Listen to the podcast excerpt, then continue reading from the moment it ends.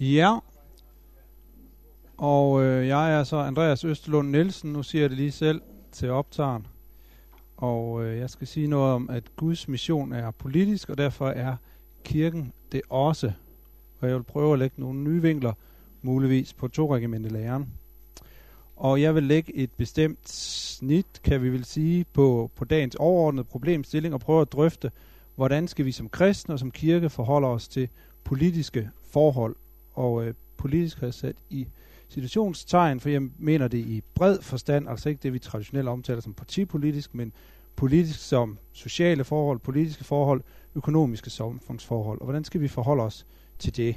Og det spørgsmål vil jeg drøfte ud fra et bestemt perspektiv og udgangspunkt, nemlig holistisk mission, det som også bliver kaldt for integral mission, som er den her tanke, at Guds mission og derfor også kirkens mission vedrører hele menneskelivet i alle dets aspekter.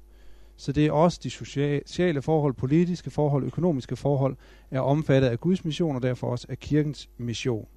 Og det her omfattende syn på kirken, det vil jeg prøve at bringe i samtale med to regimente læreren. Og der vil jeg trække på en af nyere tids vigtigste lutherske amerikanske teologer, som hedder Karl Broden, eller hvordan man udtaler det. Og så er der Joder og Habermas ligger også med i bagagen et eller andet sted, uden at jeg dog citerer dem. Men problemet vedrører altså kirke og politik. Og hvad er det så for en situation, som vi står i i dag i en dansk sammenhæng og skal prøve at agere i? Og øh, vi har dels en øh, folkekirke, som må forholde sig til, at vi i tiltagende grad lever i post-kristendom. Vi har i folkekirken dels liberal teologi, men vi har også ogsåamissional teologi, altså teologi, som ikke er missional. Så har vi, oplever vi politisk indblanding i det, som vi vil kalde for kirkens indre anlægner. Og så har vi det, jeg vil kalde en vag eklesiologi, hvor vi ikke er specielt stærke på at vide eller tale om, hvad er det lige kirke er for noget i vores folkekirkelige sammenhæng. Og så kan vi også opleve en øh, tendens til, at folkekirken og nogen i folkekirken er opsatte på at få folkelig og statslig anerkendelse den det er en kirkelig situation. Så står vi også i en politisk situation, hvor vi ikke mindst og måske først og fremmest står over for en global økologisk krise. Vi står også midt i en finanskrise. Vi har øh, nogle økonomier, en markedsøkonomi, en kapitalisme, som medfører dels, at den globale ulighed måske i virkeligheden er ved at udjævne sig, og samtidig så vokser den individuelle ulighed. Så i det enkelte samfund, der bliver større og større forskel på de fattigste og de rigeste. Og det betyder, at det er fortsat de rige, der tager fra de fattige. Så er der krige og konflikter rundt i verden, som vi i de senere år jo i stigende grad oplever, at Danmark er direkte involveret i. Så har vi kulturelt et flydende samfund, taler man om, med informationsoverload, med stress, med ensomhed og andre forhold. Og øh, så oplever vi en massiv påvirkning, alle sammen, som måske aldrig før, fra medier, fra institutioner, fra offentlige uddannelser, lige fra folkeskolen og op efter. En massiv påvirkning. Og så er der det, jeg vil kalde en påtvungen sekularisering af det offentlige rum, hvor religion det forsøges at privatiseres, selvom det ikke helt kan lykkes. Men der er en stigende påtvungen sekularisering af det offentlige rum. Så det, mener, det er den konkrete situation, den konkrete kirke, det konkrete samfund, som vi står med og i, når vi skal forholde os til det her. Og hvordan skal vi som den her folkekirke forholde os til den her politiske situation? Det er det, der er spørgsmålet. Og vi har et godt eksempel, som Kurt Larsen gav mig et hint om, på nogle biskopper, tre danske biskopper, som har forsøgt på at agere det, man med lidt god vilje kunne kalde holistisk. Partiet Venstre, de fremkom i begyndelsen af den her måned, som nogle af jer måske opdagede, med et finanslovsudspil, hvor de foreslår, at der skal spares i ulandsbistanden. Og så ringede Berlingske Tidene hurtigt rundt til alle biskopperne og spurgte dem, hvad synes I om det? Og de fik så på den måde lukket tre af biskopperne ud af busken, og til at sige, at det synes de var en dårlig idé. Kjell Holm han siger for eksempel, der må være en anstændighedsbund i den politiske debat. Det handler ikke om kristendom, det handler om medmenneskelighed. Carsten Nielsen han taler om medmenneskelige ansvar i verdenssamfundet og taler om vores selvforståelse. Og efter det så regner kritikken selvfølgelig ned over de her biskopper fra to sider. På den ene side er der Pia Kjærsgaard og andre, som siger, biskopper, I skal holde jer til Bibelen og til at forkynde evangeliet. I skal ikke som biskopper blande jer i politik. Og til det understreger den tredje biskop, Peter Fischer Møller, at han har udtalt sig ikke som biskop, men som engageret privatperson. Så det er den ene kritik. Så på den anden side, så er det interessant at læse de kommentarer, der var, jeg tror det var på Berlinske på hjemmesiden der, nedenunder de her artikler. Fordi den, så at sige, den folkelige reaktion, den er ind af en kant, at biskopperne de sidder i deres store bispegårde med deres fede hyre og deres prangende kirker og deres sikre pension, og nu vil de bestemme over, hvad vi andre skattekroner skal bruges til. Så det er den folkelige reaktion, når biskopperne udtaler sig. Biskop Sten Skovsgaard, han vil ikke blande sig. Det er han snu nok til for, men som han siger, jeg har stor respekt for det politiske arbejde. Det er let at sidde på tilskuerpladserne og råbe ned på banen. Så han er på tilskuerpladserne. Og den her sag er for mig at se fyldt med noget diffus to-regimente lærer. Der er ikke nogen af biskopperne, der taler om kirken eller om evangeliet, men de henviser på forskellig vis til en eller anden form for naturlig lov. De bruger ord som medmenneskelighed, selvforståelse, anstændighed osv. Og så understreger en af dem også det her med, at det skam ikke i mit embede, eller sådan, jeg udtaler mig ikke som offentlig person, men som privatperson. Og så forekommer det mig også, at de her tre biskopper får svært ved at svare på den kritik, der kommer, den folkelige kritik for, at de sidder i deres bispegårde med deres pension osv. og vil udtale sig om, hvad skattekronerne skal bruges til. Og Skovsgaard, han vedgår så, som sagt, som repræsentant for sit stift, at i forhold til den her type spørgsmål, der sidder han på tilskuerpladserne. Det er der, han er. Men man kan spørge, hvad skulle de ellers gøre, de arme lutherske biskopper? Giver Luther og to læren os noget at handle med i den her situation? Til synlædende ikke. Synlædende giver det ikke for meget til at kunne agere holistisk som kirke og som kristne i Guds mission i vores aktuelle politiske situation. Og øh, nu vil jeg så ud fra Karl Broden rejse lidt kritik af to regimentelæren. Og Karl Broden, det er den her mundre mand. Beklager, kvaliteten er lidt dårligt. Men uh, han har skrevet en, uh, en bog om uh, holistisk mission blandt andet, og der skriver han sådan her. This holistic concept of mission has been hampered by a dualistic model of the kingdom of God, which separates the doctrine of salvation from the doctrine of creation. The history of salvation has been isolated from the history of the world. God's message in Christ has been related to the inner life and the afterlife, while other lords and demons have fought for dominion over the body of this life in all its present worldly entailments. Så han ser altså, at der har været en dualistisk model af Guds rige, som skaber et, et falsk split i, i virkeligheden og i frelsen osv. Øh, og det har hæmmet det her holistiske koncept om mission. Og det er ikke bare en eller anden perifære ting, eller noget lidt ligegyldigt, for som han skriver her, Our belief is that Lutherans must be willing to take the lead in criticizing the doctrine of the two kingdoms, perhaps above all others because the Lutheran record in applying it on the boundary of church and state stinks with the rotting flesh of human beings in jails and concentration camps. If we respond with the phony apologetic, som det er blevet gjort tidligere på dagen, that it's not the fault of the doctrine but only of those Lutherans who misinterpreted it, we are forced to respond that praxis and theory cannot be so easily separated. Så vidt Karl Broden. Men det er altså faktisk også et alvorligt moralsk problem, vi arbejder med i dag, fordi at to læren i den udformning, den virkningshistorie, den har haft i det lutherske, har haft nogle forfærdelige konsekvenser. Og så går Borden videre med at opregne dels nogle styrker, så det er jo ikke sådan, at han kasserer ikke to læreren. Men han mener, der er nogle ting, der er nogle svagheder i det, nogle problemer, som vi må tage fat i. Så han opregner nogle styrker, og så nogle problemer. Og nu tager jeg så problemerne frem. Og øh, man kan sige, at hans kritik af læren og dens virkningshistorie, det er meget også dens virkningshistorie, så selvfølgelig kan vi sige, at Luther mente også, og sådan og sådan og sådan. Men vi må se, som sagt, på virkningshistorien også. Den falder i tre punkter, hans kritik. Han siger, at der er ganske rigtigt en forskel mellem det endelige fremtidige eskatologiske Guds rige og så den forløbige nuværende læmeliggørelse af riget her i historien. Der er sådan en forskel, men den forskel, den er i to læren og dens virkningshistorie har den ført til nogle falske dikotomier, som han siger i citatet, altså mellem helligt og sekulært, mellem åndeligt og fysisk, mellem privat og offentligt, mellem religiøse og politiske faktorer. Og derfor så får den eskatologiske frelse ikke lov til at omfatte livet i hele dets totalitet og alle dets dimensioner, sådan som man vil sige i holistisk mission.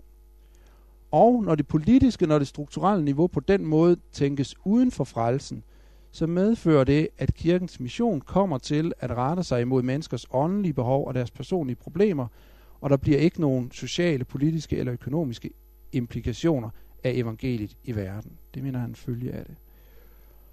Og så siger han, at inden for to læren, jo, der kan individuelle kirkemedlemmer engagere sig. Kirken kan måske også endda tiltale det offentlige rum. Men så sker det ikke med henvisning til det nye, der er sket i Kristus, men med henvisning til det gamle, til en skabelsesordning. Så når man engagerer sig politisk, så henviser man ligesom til en skabelsesordning, i stedet for at henvise til det nye i Kristus. Og dermed så kommer kirken til at pege tilbage, i stedet for at pege frem. Så det er hans kritikpunkter. Så vil jeg fremføre syv kritikpunkter i al hast øh, fra et holistisk perspektiv. Og jeg mener, at der i to læren skabes en falsk spiritualisering. Fordi to læren bygger på simpelthen en falsk modstilling mellem åndeligt og værtsligt, mellem indre og ydre, som er fremmed for den bibelsk-jødiske virkelighedsopfattelse. Og så bliver frelsen også reduceret til noget åndeligt, til indre hjertet, noget transcendent, noget hinsidigt som så eventuelt kan have implikationer for noget andet. Men kernen i frelsen synes at blive gjort til noget åndeligt indre. Så sker der en individualisering. Toregimentet læren indebærer blandt andet, at det er den enkelte i sit kald og stand, som selv må agere, som selv må træffe moralske afgørelser. Og det forekommer også, at det må hænge sammen med toregimentet læren på en eller anden led, at der er en kraftig overbetoning af individet i relation til tro og frelse. Og for mig at se, så menneskesynet i de bibelske skrifter, menneskesynet i det globale syd, menneskesynet i den såkaldte personalisme, de udfordrer alle sammen sådan en individualisme. Så fører det også til en apersonal eklesiologi. Toringermændene læren den indebærer, at kirken skal befatte sig med det åndelige, med hjertet osv. Og er det ikke derfor, at i den lutherske tradition, så lægges vægten i praksis ofte, når vi taler om kirken, på ordet og sakramenterne. Men det personale, det med de hellige samfund, det negligeres. Som en øh, sagde til mig, lutheranere går i kirke, vi er ikke kirke. Og hænger det ikke også sammen med togregimentelæren? Så er spørgsmålet for det fjerde, om der er for positivt et samfundssyn. Kan togregimentelæren ikke let, leder den ikke til et, et, øh, en, uk, en ukritisk forventning om, at de faktisk forekommende samfund altid grundlæggende virker for det gode. Og det er jo rigtigt, at Gud kan virke gennem mennesker, også mennesker, der står Guds vilje imod. Men det betyder ikke nødvendigvis, at Danmark og vores demokratiske institutioner osv. er en guddommelig skabelsesordning. Og flertallet af dem, som bestemmer i de politiske forhold i Danmark, de ønsker faktisk ikke at have Jesus som herre. Også derfor vi ikke skal adlyde dem, men vi skal underordne os dem. Men de ønsker ikke at have Jesus som herre. Skal vi så ikke passe på med ikke at have for positivt et syn på, hvad det er, det her samfund gør og kan gøre, og hvorvidt det gør det gode, hvorvidt det følger Guds vilje. Må vi ikke være skeptiske over for det. Så forekommer det mig også, at der ligger en problematisk etik indbygget i to læreren. To læren, den skældner mellem, hvordan en kristen agerer med henblik på sig selv, privat, og med henblik på andre som offentlig person eller som embedsindehaver. Argumentet det lyder, at når den kristne som offentlig embedsindehaver slår ihjel for at beskytte den svage eller for at sikre orden, så er det udtryk for kærlighed. Så er det udtryk for Guds kærligheds hårde side. Men den her sådan en generel henvisning til Guds kærlighed, er den ikke dødsens farlig at legitimere, legitimere, at man kan slå ihjel med, med sådan en abstrakt, bred henvisning til Guds kærlighed? Guds kærlighed er det ikke det, vi netop ser bliver brugt som argument for alt muligt og hvad som helst. Og medfører det ikke også en form for moralsk skizofreni? Fordi hvem kan egentlig skelne mellem sig selv som privat og offentligt handlende subjekt, med henblik på mig selv eller med henblik på andre? Hvilken hjemvendt soldat fra Afghanistan kan sige, det var soldaten som embedsperson, der skød en. Det var ikke mig som privatperson. Og nu bevæger jeg mig lidt ind på noget, der ikke er mit felt, så nu øh, bliver det på gyngende, gyngende grund. Men bliver der ikke taler om en situationsetik, hvor den enkelte kristne som offentlig person er overladt til sig selv, til sin fornuft, til den naturlige lov, med at vurdere, hvad der er kærligt og hvad der er rigtigt at gøre i den enkelte situation. Og mig bekendt, så har sådan en situationsetik ikke noget stærkt eksegetisk grundlag. Og afviser Luther ikke dermed samtidig, i hvert fald for det offentlige, for det politiske felt, to andre bedre tilgange til etik, som har en langt stærkere bibelsk basis. For det første en norm etik, som vil sige, at det femte bud om ikke at slå ihjel, det gælder altid og overalt. Og for det andet en dydsetik, som blandt andet øh, omtalt, meget omtalt N.T. Wright jo også gør sig til talsmand for, som vil sige, at når Paulus taler om at leve i ånden, og at åndens frugt er kærlighed, glæde, fred, tålmodighed osv., så er det kristne karaktertræk, som man ikke kan lægge fra sig i bestemte offentlige eller politiske situationer, men det er et træk, man altid har hos sig som kristen. Så er der en problematisk etik i det. Så er spørgsmålet om togregimentet læreren også forbigår det eskatologiske Guds rige. Det var noget af det, som, som Borden i hvert fald har hævdet. At togregimente læreren ikke i tilstrækkelig grad griber Guds rige som en eskatologisk allerede endnu ikke virkelighed. N.T. Wright har talt om, at Guds rige er en inaugurated, en indledt virkelighed allerede nu. Og det rige, som er en allerede endnu ikke virkelighed, det er ikke en åndelig størrelse, men det er en konkret social og politisk størrelse i verden allerede nu. Så i stedet for at anlægge Luthers skabelse, genløsningsoptik på forholdet mellem kirke og samfund, var det så ikke bedre at anlægge en allerede endnu ikke optik, både på kirken og på samfundet. Og så for det syvende forekommer det mig, at skabelsesteologi og forsynstanken er utilstrækkelig grundlag for at fastlægge kristne og kirkes forhold til politiske forhold, fordi at det ikke til, i tilstrækkelig grad omfatter eller medindregner syndefaldet og dets konsekvenser. Så altså skabelse, teologi, forsynstanken alene er for lidt. Er det teologiske begreb om Guds mission, missio dei, ikke måske en bedre teologisk ramme for at forstå kristnes engagement i politiske forhold? Og når man så siger det, så kommer der nogle indvendinger, naturligvis. Og øh, nogle af dem, jeg har hørt, det er, at der må være orden på jorden i samfundet, så vi skal have en øvrighed, der bruger magt. Hvis man vil styre verden med evangeliet, så bliver alt kaos. Men det at krist problematisere, at kristne skal slå ihjel for at skabe orden, det er jo ikke det samme som at hævde, at verden skal styres med evangeliet eller med bjergprædiken som norm.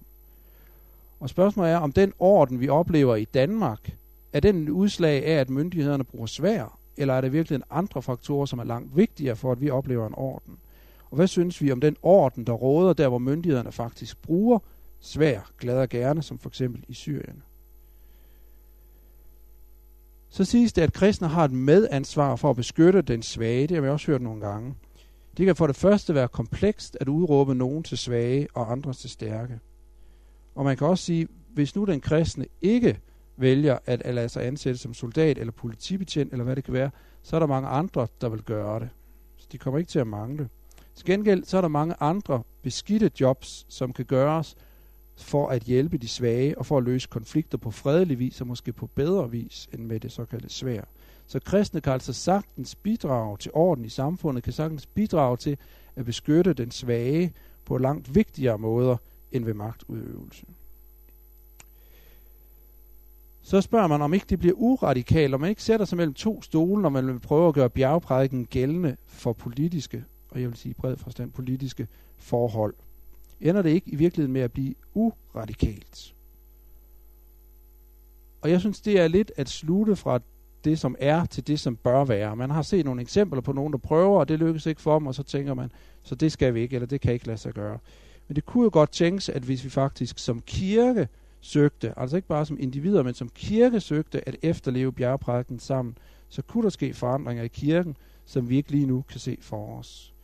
Og måske skulle vi prøve at lade være med at se bjergprædiken som en radikal udfordring til individet, men som en grundlov for et nyt folk. Så det behøver ikke at blive uradikalt, selvom vi vil sænke bjergprædiken politisk.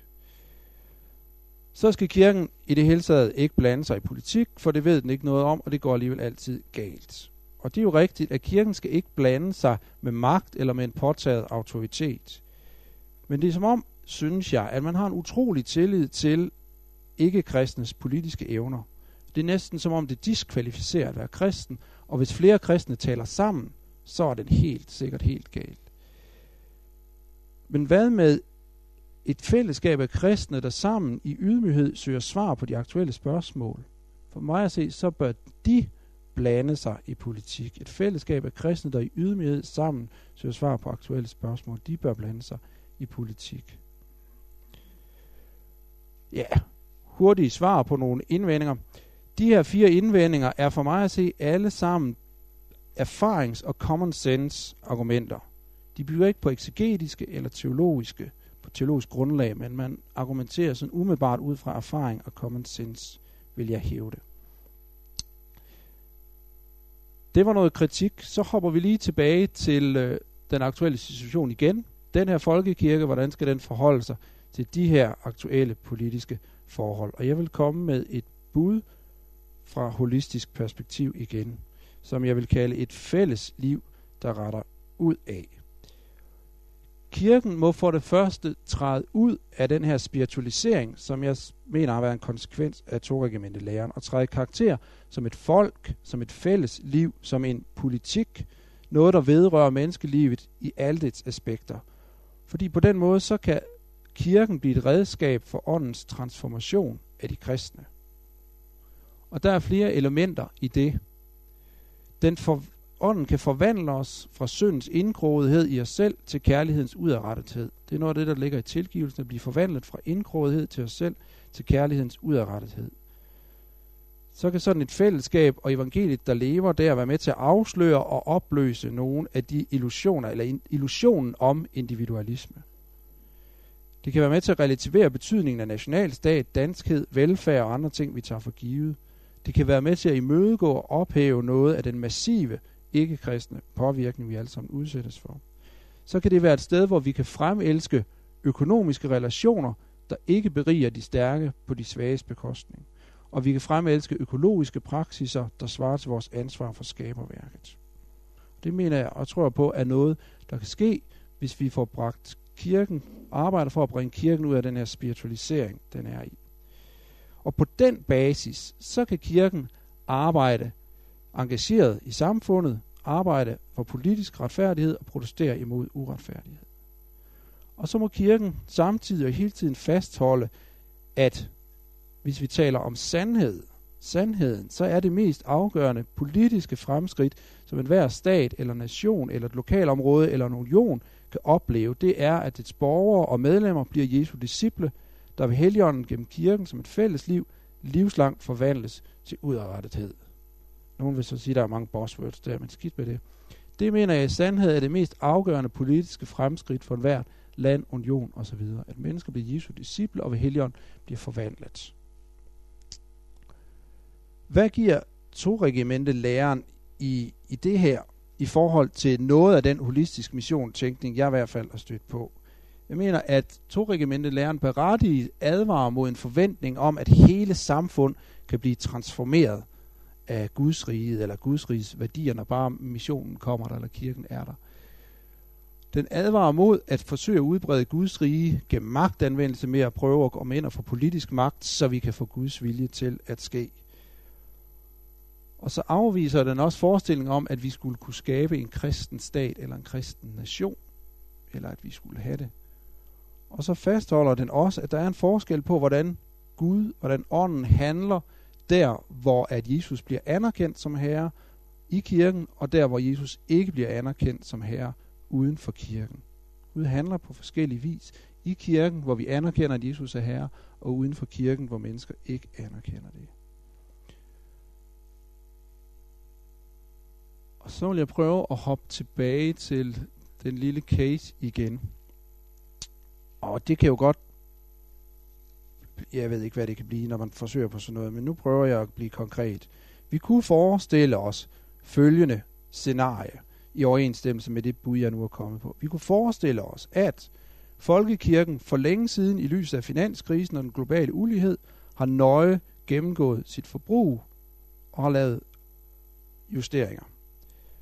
Vi kan forestille os, at lokale kirker og deres menigheder er præget af en generositet og nøjsomhed, som har vagt politisk uvilje, fordi så får vi jo ikke gang i julene. Vi kan forestille os, at de her økonomiske praksiser i kirken, lokalt og, og som sådan nationalt, de er velkendt for mange, og det betyder, at det vidnesbyrd, som kirken er på den her måde, det sætter økonomisk rådighed og overforbrug i det omgivende samfund i et gralt lys. For vi kan se, at der er nogen, der gør det på en anden måde. Vi kan forestille os, at kirkerne i Lollands Falster Stift er kommet ned fra øh, tilskuerbænkene og har i et par år været engageret i at skabe et kulturelt, socialt og økonomisk løft til et område, som er et af de dårligst stillede i Danmark. Vi forestiller os, at en kristen økonom og en kristen politiker, de giver sammen som reaktion på Venstres finanslovsforslag et, en kvalificeret redegørelse for de økonomiske relationer mellem Danmark og de såkaldte U-lande. De relaterer det til vores egen økonomiske situation, og de nuancerer på den måde spørgsmålet om ulandsbistand, og de sætter det i perspektiv på en kvalificeret måde. Og på den basis, så er der en række kirkelige ledere og talsmænd, inklusive et par biskopper, som som reaktion på det her finanslovsforslag kommer med en offentlig skrivelse. Og i den her offentlige skrivelse, der kunne de præsenterer i al korthed den bibelske fortælling om lighed i Kristus og det eskatologiske Guds rige. De kunne beskrive, hvordan folkekirken i kraft af Guds tilgivelse og Helligåndens virke i al ufuldkommenhed prøver at afspejle den her virkelighed. Og så kunne de appellere til politikerne om i den konkrete situation at tage kirkens vidnesbyrd i betragtning, før de træffer en afgørelse. Og det mener jeg ikke er en idealistisk illusion. I lyset af evangeliet, i lyset af vores tro på Helligånden, Guds rige, tilgivelse som en erfaret virkelighed, så mener jeg, det er en fuldstændig realistisk mulighed. Men måske på grund, blandt andet på grund af toregimentelæren, så er det bare en mulighed, som folkekirken eller folkekirkemenigheder, mig bekendt, ikke har stræbt, stræbt efter, eller måske overhovedet været opmærksomme på. Og det burde vi være. Så hvad er konklusionen på spørgsmålet, hvordan skal vi som kristne kirke forholde os til politiske forhold?